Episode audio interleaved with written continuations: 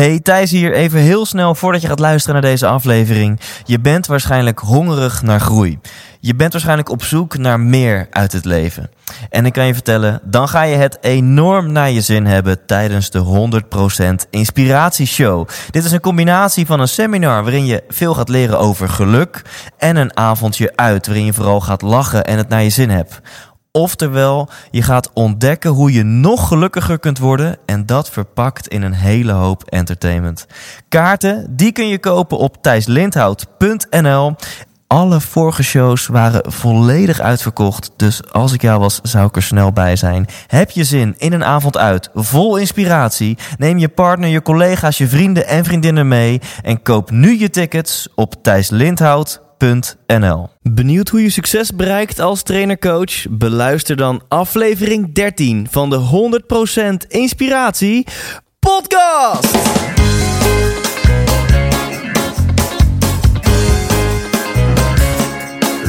Hey, goed dat je luistert. Hij staat weer voor je klaar.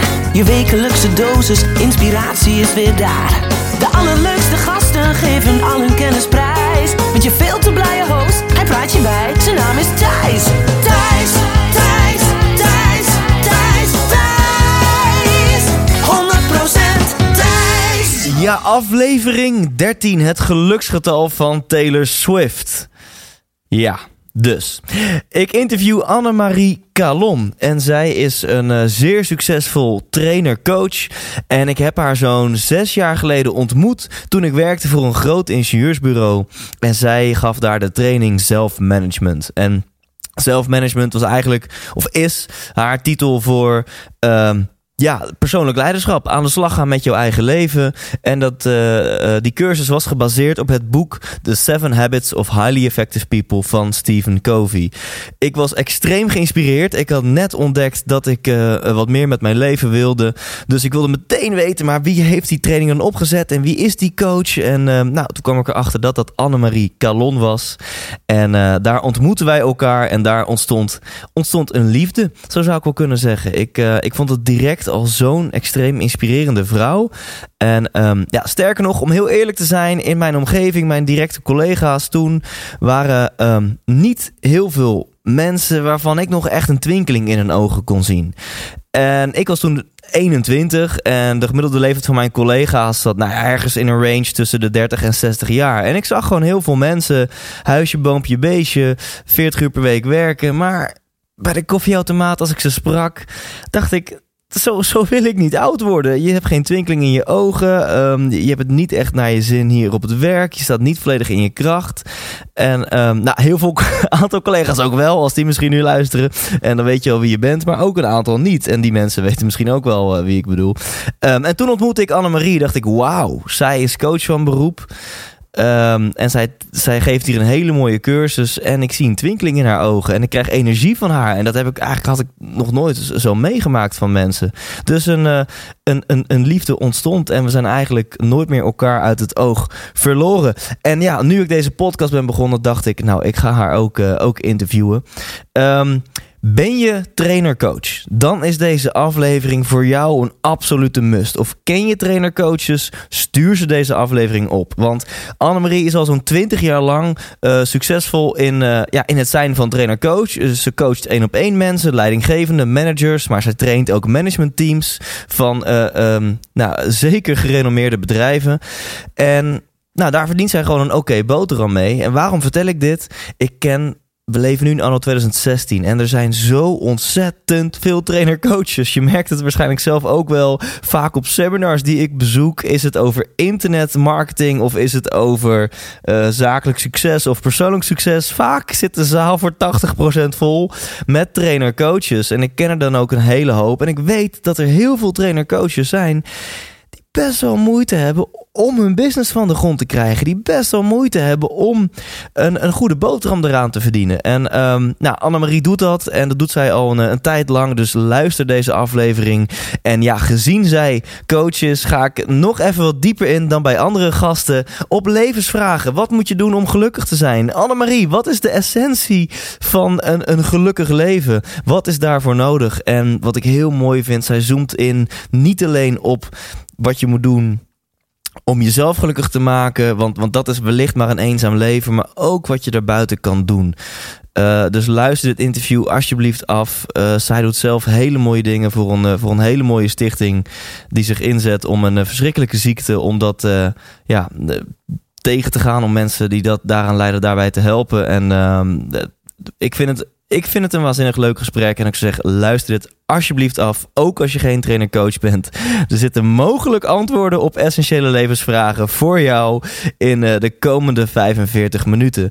Dus blijf luisteren en check daarna thijslindhout.nl slash 13. Dat is 1-3. thijslindhout.nl slash 13. Luister en enjoy. 100% Thijs! Annemarie Calon zitten we hier lekker, nou niet in de zon, maar naast de zon. een clever kantoor. Je zit helemaal happy, stralend hier tegenover mij. Vertel nou eerst eens, um, daar ben ik heel benieuwd naar. Wat wil je worden als je later groot bent? Ja, wat wil ik later worden als ik groot ben thuis? Nou, ik wil um, coach worden en blijven, want dat ben ik nu al. En daarnaast heb ik nog een ander dingetje wat ik wil. Ik wil graag ook mensen opleiden om succesvol te zijn in het werk wat zij doen. En, en hoe zie je dat precies voor je?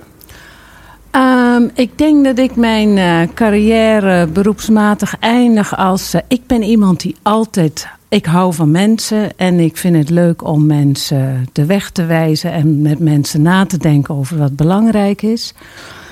En hoe ik dat dan voor me zie is dat ik... Ja, wie weet dat toch als een soort docent, supervisor, intervisor... Uh, hele jonge mensen, ja, uh, uh, coach. En, en, heb je het dan over um, een bepaald soort mensen? Wil je misschien jonge mensen met extreem veel potentie? Wil je daarop richten dat zij echt kunnen gaan excelleren? Of? Dat zou kunnen, maar nou, weet je, voor mij gaat het er altijd om dat je um, mensen doen dat mens, dat mens, ik wil mensen, ik moet er even over nadenken, merk ik van. Het maakt me niet uit wie, als er maar een heldere vraag is. Ja. Het gaat om de vraag. En jij maakt En het verlangen. Het gaat om de vraag en het verlangen. Ja. Denk, het gaat niet over je moet dat zijn of dat zijn. Dat maakt mij niet uit. Ja. Is het dan misschien ook dat mensen die geen duidelijke vraag en geen verlangen hebben, ook moeilijker te coachen zijn? Of misschien... Ja, absoluut. Weet je, dan ga je natuurlijk iets anders doen. Dan ga je met die mensen een ander traject om daarachter te komen. Ja. Maar dat is een andere vraag. Ja. En oh, ik, ik heb nu al 15 vragen om jou te stellen, eh, gezien jouw beroep en, en, en wat je allemaal doet. Maar eerst even een paar stapjes terug voor die mensen die jou niet kennen. Want jij bent wellicht iets minder bekend dan, uh, uh, dan Erik de Zwart. Uh, maar hebt minstens zo'n inspirerend verhaal. Dus vertel eens heel even in het kort, wie is Annemarie Calon? Wie is Annemarie Calon? Jeetje. Ik ben. Uh, uh, ik ben uh, gepassioneerde vrouw die, uh, ontzettend, die het ontzettend gaaf vindt om met andere mensen te werken. En dat doe ik door middel van training en coaching. In een eigen bedrijf wat ik heb samen met een partner. Het bedrijf heet Work on Progress en dat hebben wij twaalf jaar geleden opgericht. En voor die tijd uh, heb ik gewerkt als. Ik ben ooit opgeleid als docent, omgangskunde, gezondheidskunde. Want weet je, op de middelbare school had ik al zoiets van: eigenlijk zou ik wel lerares willen worden. Want ik denk dat ik het beter kan. Alleen toen zat ik, ik weet nog goed dat ik in die bankjes zat en dacht: maar welk vak ga ik dan doen?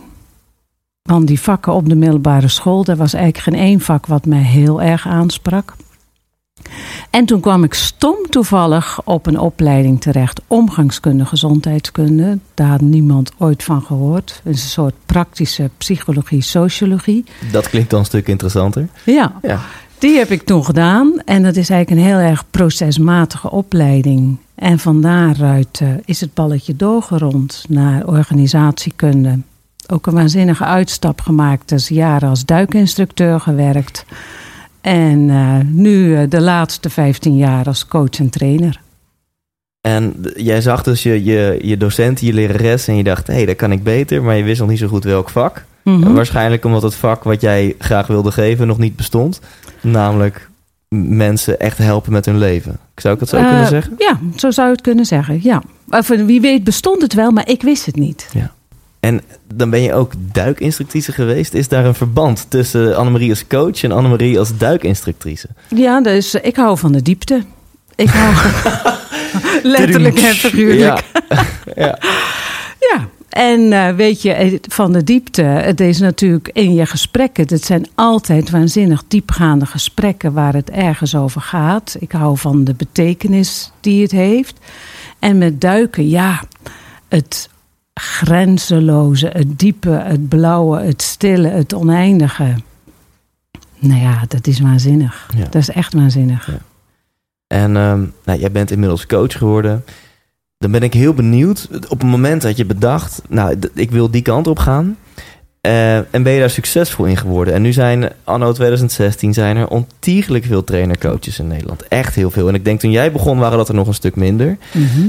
Ehm, ik denk dat er heel veel, sterker nog, ik weet zeker dat er heel veel coaches en trainers in Nederland zijn die moeite hebben om een boterham ermee te verdienen, die dat wel heel graag willen, die echt voelen dat dat hun passie is, dat ze het ook goed kunnen, maar die geen idee hebben van waar moet ik beginnen.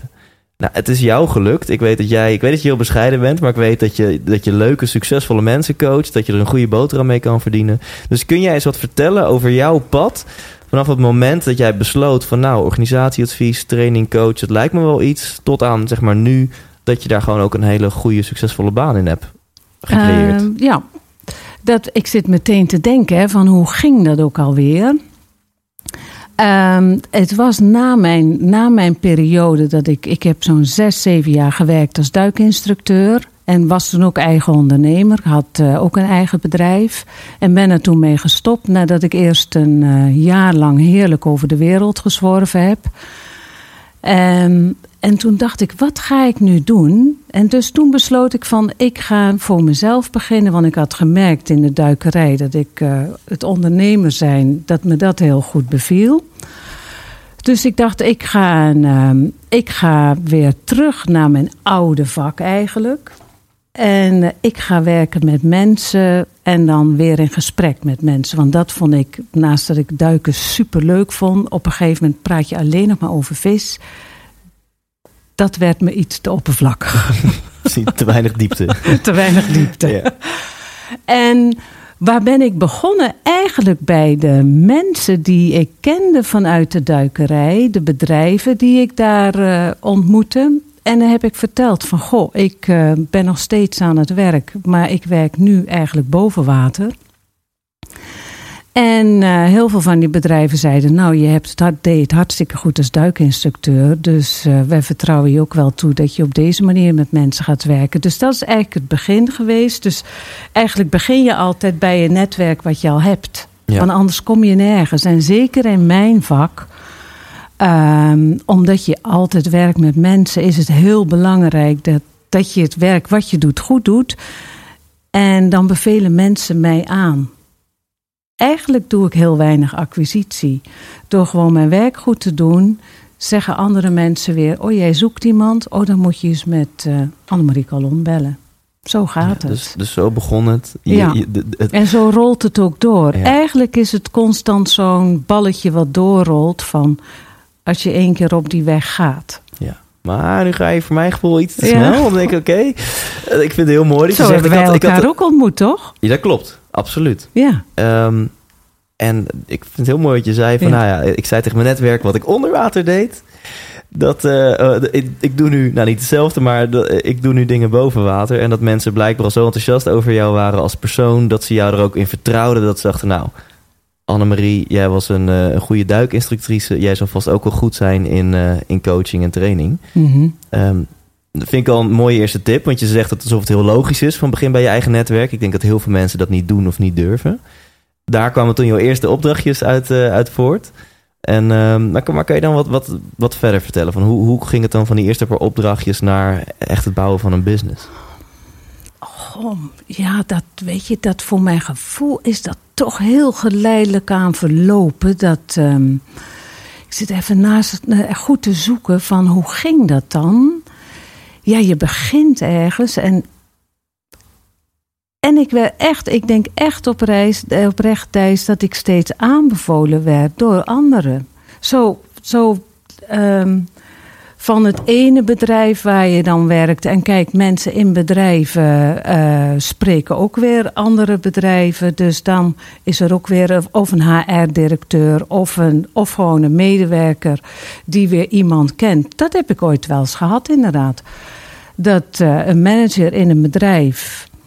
Um, die kende mij omdat ik daar training en coaching gaf. En uh, een van haar nichtjes die uh, had dringend hulp nodig, was op zoek naar een coach. En die manager zei: Goh, neem dan naast de kaartenbak die je in jouw bedrijf hebt, bel ook eens met Annemarie. En op die manier, en ik had meteen een klik met die vrouw. En op die manier kwam ik weer in een ander bedrijf terecht, waardoor zij mij weer aanbeval bij HR. En ik mijn werk goed deed. Volgens ja. mij gaat het uiteindelijk over. Uh, ik ben ontzettend gecommitteerd iemand. Als ik ergens voor ga, ga ik ervoor. En uh, dan ga ik ook rechtdoor. Ja. En dan, uh, ja, dan doe ik eraan uh, wat er nodig is. Want ja, ja dan, dan spreekt mijn hart ook. Dan denk ik, mensen raken mij en dan wil ik gewoon het beste. Ja, ik vind het mooi. Voor mij is het een bewijs dat er zijn meerdere wegen die naar Rome leiden. Ik ken mensen die succesvol worden door echt vol gas te gaan met sales en marketing. Mm -hmm. uh, en, en, jij zorgt ervoor dat je wat je doet gewoon ontzettend goed doet. Dat mensen ja. enthousiast over je zijn. Dat die bal gaat rollen. En ik denk dat daar op een dieper niveau nog iets achter zit. Dat je dus heel puur bent en heel erg true to yourself, zeg maar. Dat je echt heel authentiek bent. Is dat, klopt dat? Nou, dat, ja, dat is misschien gek om van jezelf te zeggen, maar dat is, dat is zeker zo. En ik denk ook dat dat mijn kracht is. Ja. Van, uh, ja, dit is wie ik ben. En dat is natuurlijk, onlangs vroeg iemand mij ook van, jeetje Annemarie, soms raak jij iets aan. Um, dat, zou, dat vind ik spannend. En zei hij, hoe doe je dat dan? Toen dacht ik, ja, hoe doe ik dat dan? En, en dat komt ook terug in heel veel van jouw podcasts. Dus uh, wat iedereen ook zegt, zo van... als ik datgene doe wat voor mij oprecht belangrijk is... moet ik ook steeds bereid zijn om de risico's te nemen... dat ik soms, dat ik heel vaak ook feest van... jezus, wat zullen andere mensen wel niet van me denken? Misschien nu ook wel, op het moment dat ik hier zo met jou zit, ja. dan denk ik... Oh, en aan de andere kant denk ik dan, oké, okay, dat zijn weer die bekende barrières. Ja. En dan denk ik, maar toch ga ik het doen. Er is dus iets, dat is, dat is heel belangrijk. Ja, dat ik ik iedere dat... keer daar doorheen durf te stappen bij mezelf. Want daar begint, begint bij mij. En ik denk dat hier een hele goede tip in zit voor iedereen. En die tip is heel simpel. Van, ja, wees dus echt true to yourself. Wees authentiek. Ga op zoek naar jouw diepste kracht. Maar dan dus de grote hoe. En ik denk dat jij daar wat meer vanaf weet dan ik. Dus, dus mensen die nu luisteren denken... oké, nou fantastisch. Hoe, Annemarie? Heb je daar ideeën over? Hoe kan ik meer erachter komen... wat, mijn diepste kern, mijn diepste potentie is? Um, weet je, het gekke is... en dat is echt zo'n coach-antwoord... dat ik zeg, eigenlijk weet je het. Eigenlijk weet iedereen het. Alleen ben je bereid ook om het onder ogen te zien... en durf je de eerste stap te zetten. Want uiteindelijk komen heel veel dingen. Ik denk dat heel veel in ontwikkeling gaat over het durven doen. En natuurlijk, weet je, dat is eigenlijk ook een goede coachingsvraag. Van hoe doe ik dat dan? Mijn vraag aan als iemand mij dan in coaching zou stellen, zou dan toch een vraag zijn: wat wil je? Wat is je verlangen? En wat zou nou een kleine eerste stap zijn? Want je leert het door het te doen. Je leert door ervaring. Je kan honderdduizend boeken lezen en die zijn heel waardevol. Maar uiteindelijk, en dat is waar ik oprecht in geloof, is het gewoon uh, stapjes zetten. Het is net als leren fietsen. Ja, en zou je dat een stapje concreter kunnen maken? Hoe, hoe zet je stapjes in de ontdekkingstocht naar jezelf? Mm. Behalve jou bellen en jou als coach. Ja, nou, dat, dat kan je doen. Maar daarvoor, ik denk. Uh, ja, weet je, mijn neiging is natuurlijk altijd om een vraag terug te stellen. Hè? Ja, dat, is, dat, ja, dat ja. zit echt gewoon zo diep in mijn systeem. Dat ik dan denk, ja Thijs, wanneer begon dat bij jou, dat vinkje? Want ik weet nog heel goed het moment dat... Uh, ik gaf een training in het bedrijf waar jij toen werkte... en dat jij tegen mij zei, ik wil jouw co-trainer worden. Ik zei, dat is goed. Ja. Dus wat was het eerste stapje? Dat was dat jij, en dat is de vraag die ieder voor zich iedere keer moet stellen: wat is wat je werkelijk wil? Daar kan ik geen antwoord op geven. Dus hoe lastig die vraag ook is, daar begint het. En dan hoef je het nog niet helemaal precies te weten van ik wil. Hè, want, maar we hebben al. Ik geloof oprecht dat iedereen een droom heeft. Dat geloof ik Ja. echt. Of die helemaal helder is, lekker belangrijk. Maar er is een vonkje. Ik geloof in vonkjes. En hoe, hoe begeleid jij mensen om erachter te komen wat ze daar daadwerkelijk willen? Je geeft al aan, nou dan stel ik vragen. Eh, zou je misschien nu een aantal van die vragen kunnen delen, zodat eh, dat luisteraars daar voor zichzelf over na kunnen denken? Eh, de eerste vraag is dus van ehm, wat zou je graag willen? En dan wetende, als je dat weet, hè, als je weet wat je verlangen is, dan ga je terug naar waar sta je nu? Van waar ben je nu? Oké. En wat zou nou op, eh, wat zou nou een eerste stapje zijn op weg naar je verlangen? En dat kan soms, en soms is dat wat ik heel vaak zie bij mensen, is een goed, dan zou ik eigenlijk die of die eens moeten bellen. Of dan zou ik dat of dat moeten doen. Het begint heel klein, heel dichtbij. Nou ja, daar begint het. Ja. En dat is, die, dat is die eerste stap. En vanuit die eerste stap doe je een ervaring op. En die ervaring, daar leer je iets van. En of in de ervaring nu succesvol is of niet, daar kijk je naar en denk je: oké, nou, dit heb ik nu gedaan, wat nu? En ik hoorde ooit zo'n heel mooi verhaal. Ik, ik ben zelf altijd, heel, word altijd geïnspireerd door verhalen. Dat vind ik ook heel leuk aan jouw podcast. Ik, ik luister ook iedere week, want dat inspireert mij altijd weer. En dat was een verhaal, en dat was niet op jouw podcast, maar ergens anders, jaren geleden, van een bergbeklimmer die voor de derde keer de Mount Everest ging beklimmen. En het was al twee keer mislukt. En, iedere, en het was twee keer mislukt op een bepaald punt op die Mount Everest, waar het gewoon te eng werd. Nou ja, in ieder geval, dat heb ik, zo heb ik het gehoord. Hè. Dus dat verhaal is zo bij mij overgebleven. En toen de derde keer stond hij weer op dat punt. En dat was zo'n prachtig interview waarin hij vertelde: ik stond weer op dat punt. En toen dacht ik: oh, dit is, ik wil zo graag naar die top, maar ik vind het zo eng op waar ik nu sta. Ja. En toen besloot hij, en dat is wat het dan geweest is. Nou ja, zo gaan heel vaak beslissingen die mensen nemen. Als je achteraf terugkijkt, dan weet je het vaak niet meer. Dan denk je, ja, ik heb het gewoon gedaan. Dacht hij, ik ga toch die eerste stap zetten. En dat deed hij. En het mooie wat hij zei, en ik denk dat dat een metafoor is.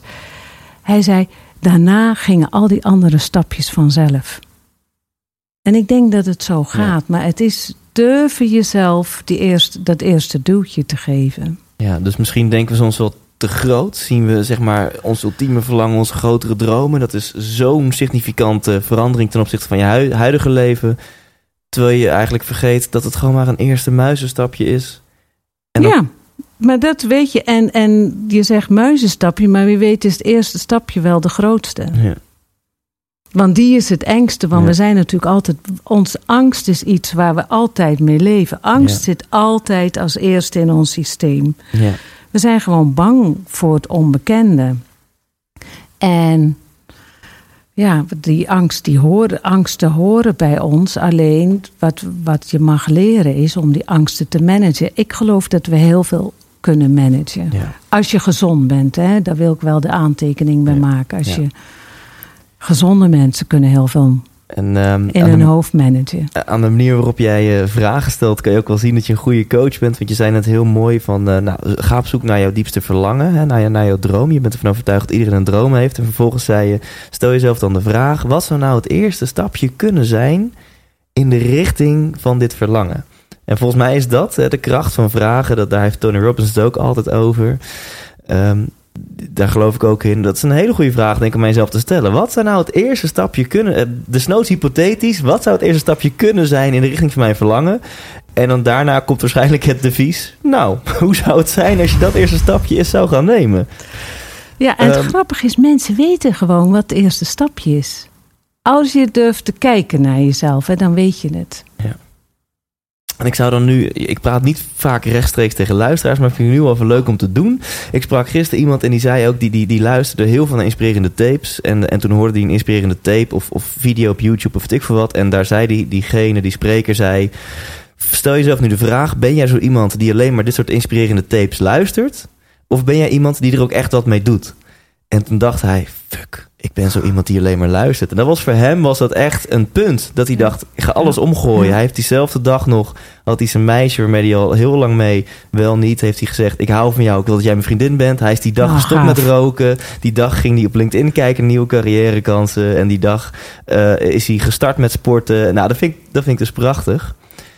Ik weet niet eens meer hoe ik hierop kom. Maar eh, Ja, dat daar moest je aan denken.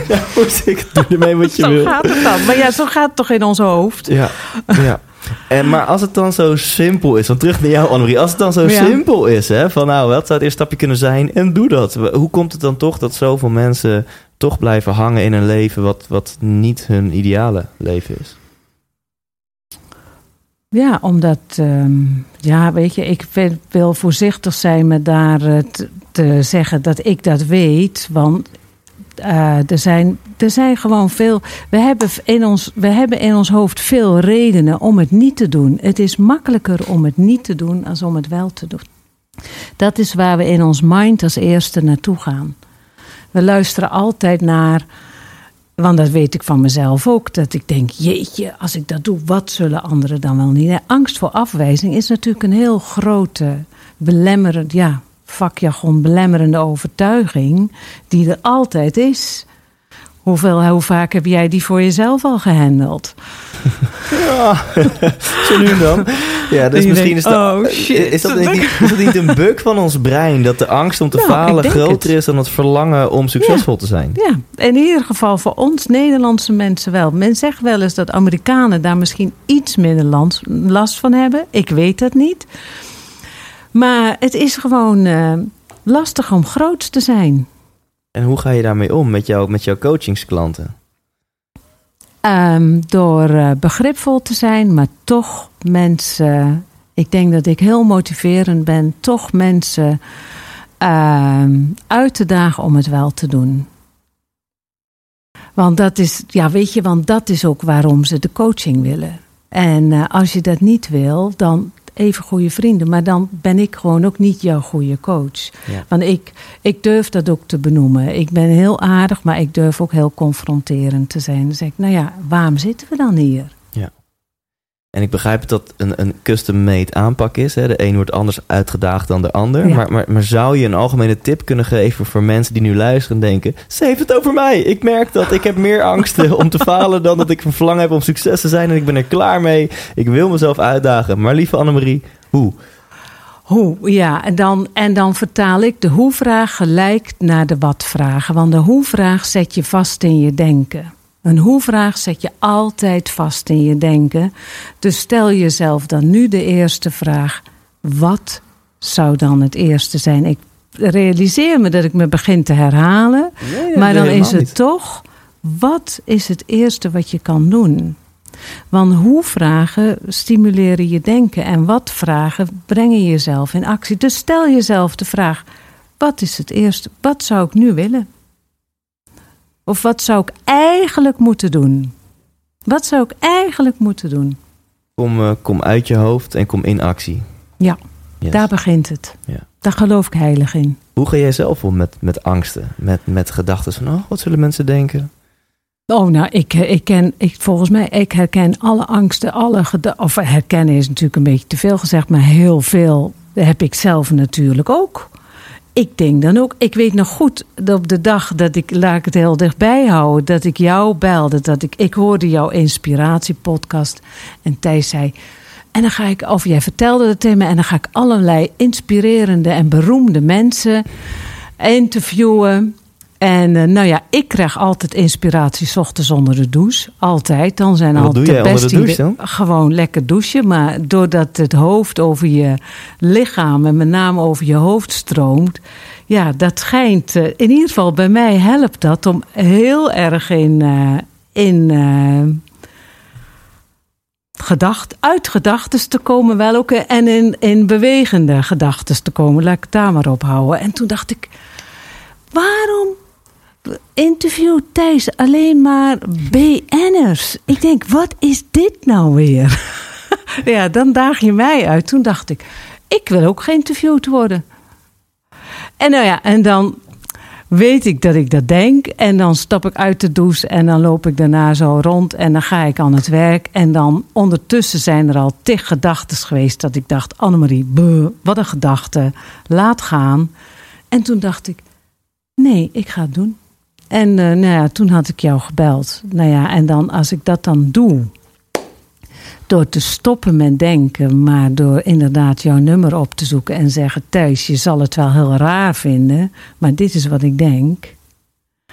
Dat doe ik altijd. Dan gebruik ik wel een bruggetje, want dat is een soort ding. En dat, denk, dat heb ik mijn hele leven gedaan. Dit is wat mij altijd geholpen heeft. Van, zo ben ik ook alleen eh, de wereld rond gaan reizen.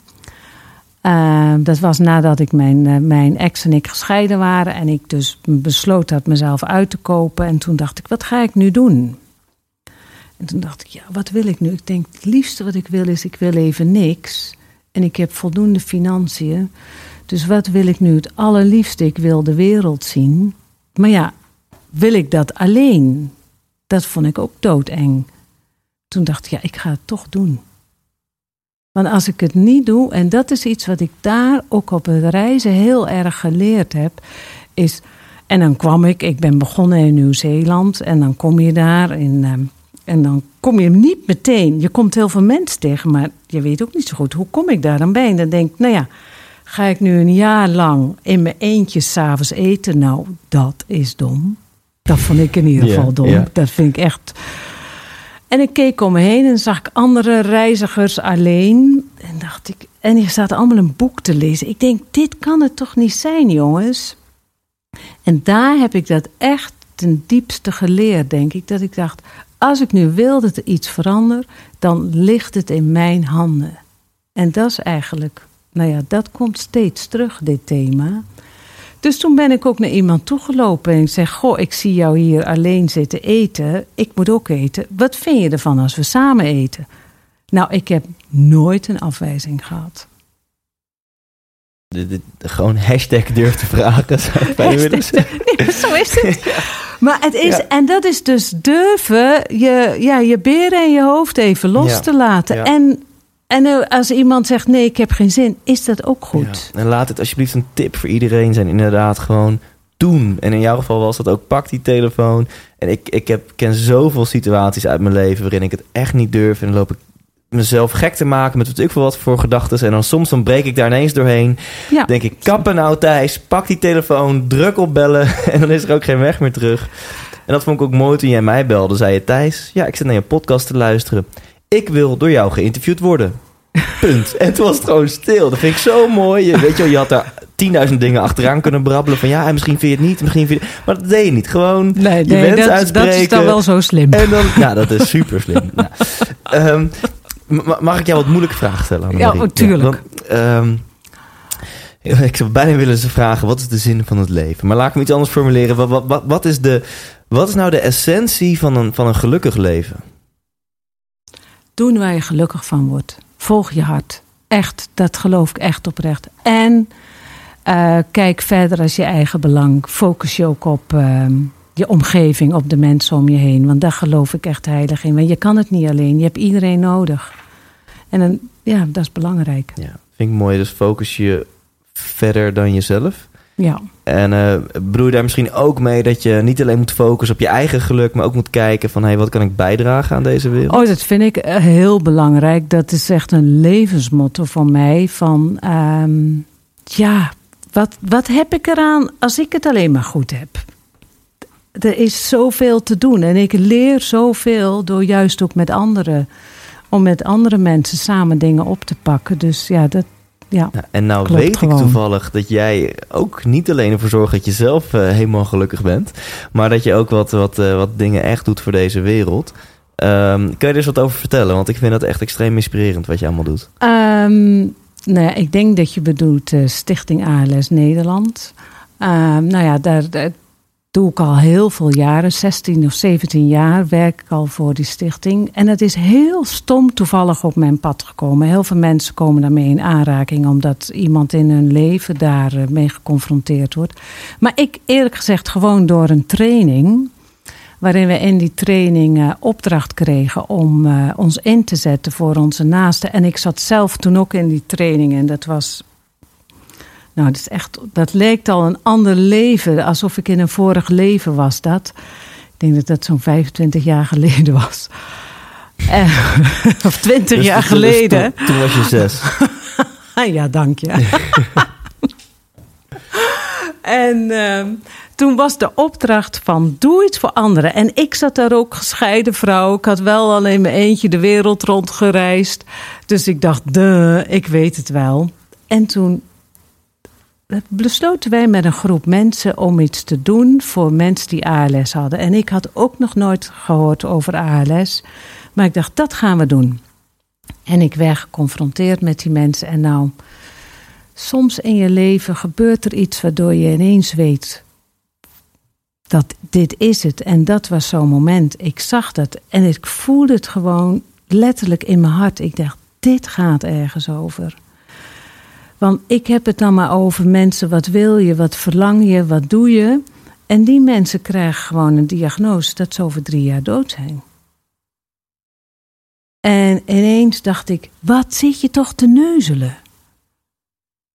En ik zag de waanzinnige kracht die mensen hebben en de, de wil om in het korte tijdsbestek wat ze hebben om nog dat te doen wat belangrijk is. Toen dacht ik, dit is waar het over gaat. Dus nou ja, toen, eh, sinds die tijd zit ik al 17 jaar eh, bij die stichting. En dat dat gaat vanzelf. De, de, de, de stichting die eh, volgens mij twee jaar geleden qua bekendheid een enorme sprong heeft gemaakt door onze- de Ice Bucket Challenge. Klopt, door, door de uitzending. En Ja. daarvoor door de meest confronterende campagne die we met elkaar besloten hebben. Maar die mensen die zelf ALS hadden, zeiden. Want dat was onze vraag al jaren. Hoe krijgen we deze stichting op de kaart? En daar hadden we van alles over bedacht. En natuurlijk hadden we een heel goed reclamebureau. Maar hadden we de mensen die ALS hadden en die zeiden: het moet gewoon nog heftiger. En nou ja, weet je, dan doe je het, het gewoon. het is shocking. Het is een, een kutziekte, Ja. ik het zo mag zeggen. Eh, Ja, zeker. En eh, dus laten we ook maar gewoon in onze reclamecampagne dat, dat laten zien van jongens, dit is gewoon Ja, shocking. En, ja. ja. ik ben er niet meer. Ga door met mijn strijd. Oh ja, dat was het. Van Ja. een foto op de stations in Nederland van als je dit ziet, dan ben ik er niet Ja. meer. En die zijn er nog steeds, hè? En dat zijn, van, dat, dat zijn geen acteurs, die foto's. Dat zijn echte mensen die helaas ook al overleden zijn. Zo. Dus kan je je voorstellen, die zitten ook in zo'n opnamestudio. En, En dan dan- spreken ze dat zinnetje uit. Nou, ik denk dat deze dingen, als we dan teruggaan naar mijn vak als coach, dit heeft mij heel erg gevormd. En ik denk dat ik door de mensen, door de ziekte ALS, mij heel erg doorontwikkeld heb in mijn huidige vakgebied. Ja, daar Ja. weet ik eigenlijk wel heel zeker. En, en wat, wat, wat precies dan? Nou ja, ik heb de wil, de vechtlust, de power, het verlangen, eh, het gaan voor wat. Waar gaat het in dit leven over? Leef vandaag, kijk vandaag, kijk heel erg wat je vandaag kan doen. Doe dat vandaag en wacht niet tot je pensioen. Om het zo eens te zeggen. Ja, ja. Ga dan, als je het nu wilt, doe het nu. Want dat is als je zo'n ziekte krijgt, dan moet je, heb je alleen nog maar vandaag. En dan maakt iedereen een bucketlist. Dus eh, begin vandaag met je bucketlist. En begin er ook vandaag aan te werken. Want je weet niet hoe het volgend jaar is. Wauw, dus dat heeft even jouw Dat beeld is echt, van de wereld op ja, zijn kop gezet. Al, al sprekende denk ik, dat heeft echt mij het meest op de kop gezet. Ja. Ja, dat ik dacht, ja, en dus, dus laat mij maar eh, eruit halen wat erin zit nu. Dus- Kom maar dus- op mensen, we gaan het doen. Is, is dat dan de tip die daar voor iedereen in zit van mensen? Het leven is nu. Ja, Dit moment. Dit gesprek wat wij nu met z'n tweeën voeren. Mensen die dit nu luisteren in een auto of thuis op de bank of, of weet ik veel wat. Op dit moment gebeurt het leven en geniet daarvan. En doe vandaag de dingen die je wil doen. ja, absoluut. Ja, Amen. Mooi. oké. En, ehm, dan, en nog, nog één vraag. En daarna gaan we naar het onderspot gedeelte. Hè? Dat, dat wordt echt zweten. Dit was, dit was easy tot nu toe. Ehm, Ja, hier jij- zit ik in. Maar hier heb ik nog controle, hè? ja, precies. ik weet ehm, even niet hoe, hoe oud je bent. Volgens mij, je ziet eruit als 34, maar volgens mij ben je ietsje ouder. Eh, jij hebt een enorme twinkeling in je ogen. En dat klinkt misschien een beetje stom, maar ik, ik ken gewoon weinig mensen. Heel veel mensen verliezen vol- volgens mij gewoon na een dertigste die twinkeling in hun ogen. Dan hebben ze het leukste gedeelte van hun leven gehad. Hun studententijd en misschien daarna nog een beetje die eerste paar jaren van, van, van het beginnen met werken. Dat het ook wel leuk is. En daarna op de een of andere manier maken ze bepaalde keuzes, zakelijk en privé. Misschien wel geleid door angst. Waardoor ze een beetje die twinkeling in hun ogen verliezen. En, en dat vond ik toen ik jou ontmoette een paar jaar geleden, vond ik zo waanzinnig. Dat ik, ik, ik, ik kende zo weinig mensen die die, die, die twinkeling hebben behouden. En eh, kun je er wat over vert- Wat is jouw geheim? Hoe komt het dat jij eh, misschien nu wel nog meer naar je zin hebt, nog meer energie hebt dan eh, in je tienertijd of in je studententijd? Oh, ik denk dat dat zo is. Ik denk dat ik veel meer, dat ik dat nu, dat ik ten volle leef. Absoluut. Dat, ja, en hoe komt dan die twinkeling van ehm, dicht bij jezelf blijven? Dicht bij jezelf blijven, geloven in wat je doet. Het klinkt zo repeteerig, ja. Ehm, gepassioneerd zijn, houden van eh, jezelf en maar houden van de wereld. Want het is gewoon te gaaf. Het, het is gewoon niet zo moeilijk. Het is dicht bij nee, jezelf. Nee, nee, En- ik en- geloof dat het niet zo moeilijk is. Dan denk moet ik hier nou een heel wijs, filosofisch antwoord? Dat zou ik zo graag willen, hè? Nou ja, ik denk dat je daar dus een sausje overheen moet gooien van moed. eh, met een D. eh, moed, Ja. courage. Om, Ja, eh, ja, om dat dus te durven. ja, Dicht bij jezelf blijven. ja. Oké. Ga je on de spot zetten. Hey, omdat ik jou zo ontzettend tof vind, krijg je van mij twee vakantiehuisjes. Nou, dank je. Neem, neem dat even een slokje water, dus eh, denk er even over na. Eh, maar de vraag is, waar, waar plaats jij die op deze aardbol? Oh, dat weet ik wel. Eentje in Bali. Dat is absoluut mijn favoriete eiland. En eh, eentje in Spanje. Dat vind ik ook een heerlijk land. Dus één in, één in de zon dichtbij en één in de zon ver weg. Ja. ja. Wat ja, maar je- het gaat me om de mensen. En, en wat, wat hebben de mensen in Bali en Spanje gemeen? Ehm, de ba Balinezen zijn gewoon fantastisch vriendelijke, enthousiaste, leuke mensen. Die, ehm, ja, dat is gewoon echt.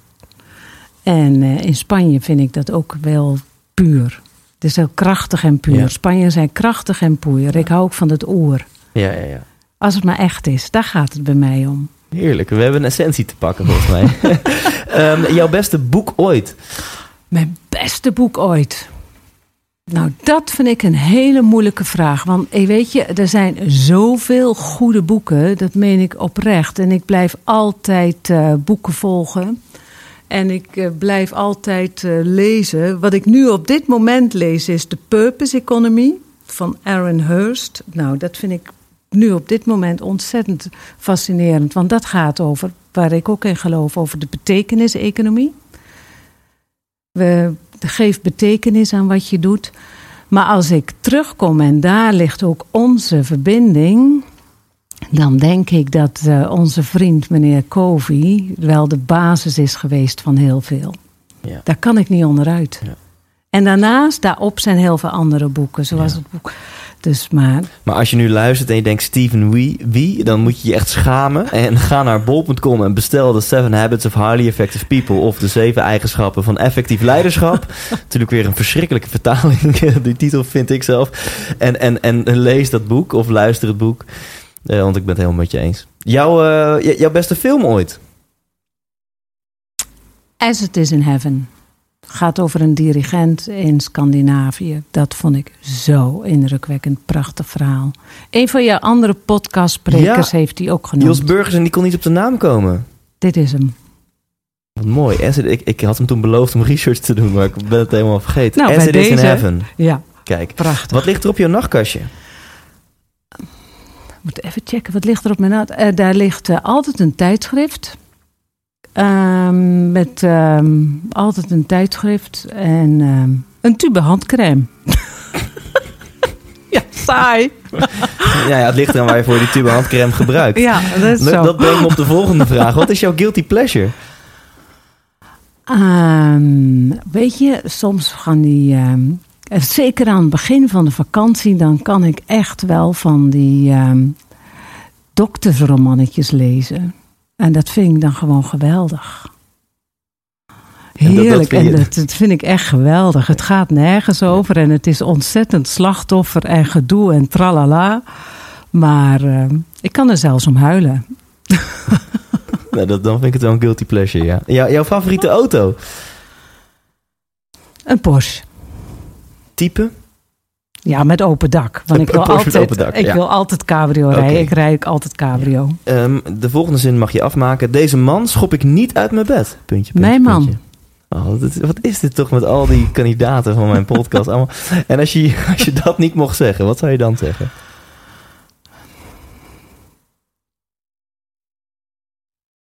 Jou.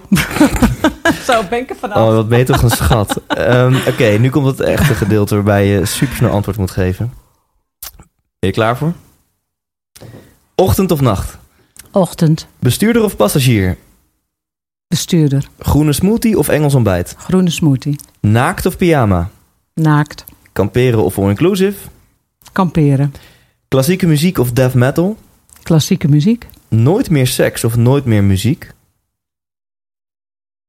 Eh, ik moet nu zeggen wa- wat het belangrijk de, Ja. de- ja, eh, ik eh, skip nooit meer muziek. Oké, ja, precies. Dus, dus, dus wel seks, geen muziek. ja, natuurlijk. Oké. Hutje op de hei of herenhuis aan de gracht? Oh, dat vind ik moeilijk. Mag ik er niet twee? Nee. nee. Eh, dan toch een herenhuis. Want dan ga ik wel naar dat hutje toe. Een, eh, een wilde tijger of een Russische dwerghamster? Ach, een eh, wilde tijger. Eh, Malediven of IJsland? Ja, hij, een duikinstructeur, gaat naar de Malediven. Ja, tuurlijk. Ehm, thuis koken of uit eten? Thuis koken. Basic fit of personal trainer? Personal trainer. Maandagochtend yoga of vrijdagmiddag borrel? Vind alle twee belangrijk. Ehm, weet je, om in de verbinding te zijn, vrijdagmiddag borrel. Oké, nou ja, dan trekken we straks een biertje open. Ja, ja. Ehm, risico's nemen of op veilig spelen? risico's nemen. Mooi. Eh, geld maakt gelukkig of geld maakt ongelukkig? Nou ja, het is, eh, weet je, dat is natuurlijk gevaarlijk, maar het is wel zo geld maakt. Je hebt geld nodig om eh, dingen te doen die je graag wil. Richard Branson of Steve Jobs? Steve Jobs. Focus op de toekomst of focus op het hier en nu? Hier en nu. En genieten van het eindresultaat of genieten van de weg er naartoe? Altijd de weg, want De weg je weet niet waar je uitkomt. Ja, ik, ik was laatst aan het filosoferen en toen dacht ik, volgens mij bestaat eh 99,99% van je leven bestaat volgens mij uit de weg naar je doelen toe. En het moment dat je werkelijk je doel re- realiseert en dat viert, dat is misschien 0,001% van je leven.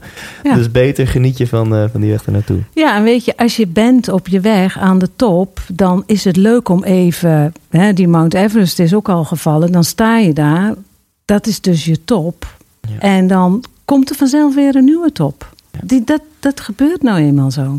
Dus dan komt er weer iets nieuws. Dus eh, dan is er een nieuwe weg. Je hebt het overleefd, het onderspot gedeelte. Yes! Maar overleef jij ook de vraag van Erik de Zwart? Oh, ik, ehm, laat horen. Ik, ik heb Geen jou, eh, idee. ja, ik heb jou samengevat als eh, iemand die succesvolle mensen coacht. En eh, nou, dat is volgens mij ook wel wat je doet. Dus eh, dit is zijn vraag. Ik heb een vraag aan haar, inderdaad. Ehm, het valt mij altijd op dat met name Nederlandse zakenmensen, maar ook politici en eh, mensen die in het buitenland iets moeten doen, dat ze altijd zo ongelooflijk slecht Engels spreken. En ik zou het heel fijn vinden, en ook voor de BV Nederland zou ik het eh, fantastisch vinden, als eh, de opleiders, de mensen die zich bezighouden met cursussen en dergelijke, voor de mensen die, die, dat ze ook eerlijk zijn naar managers en naar ministers. Eh, en dat ze in die mediatraining met name, dat ze, dat ze toch in ieder geval moeten zorgen dat ze fatsoenlijk Engels spreken. Of in ieder geval een andere taal echt goed beheersen. Ja. In ieder geval in de uitspraak. Want dat, eh dat houthakkersengels wat ik af en toe hoor, dan denk ik van, jongen, jongen, jongen. Ja. Dan denk je toch ook bij jezelf, dat zijn toch een stelletje heikneuters, die Hollanders. Dus de vraag is of zij eerlijk wil zijn richting dit soort mensen. En ze Ja. ook gewoon bij willen brengen dat ze, Ja. misschien dat zij ze die les kan geven. Of dat ze in ieder geval verplicht allemaal langs eh, de nonnen in Vught moeten.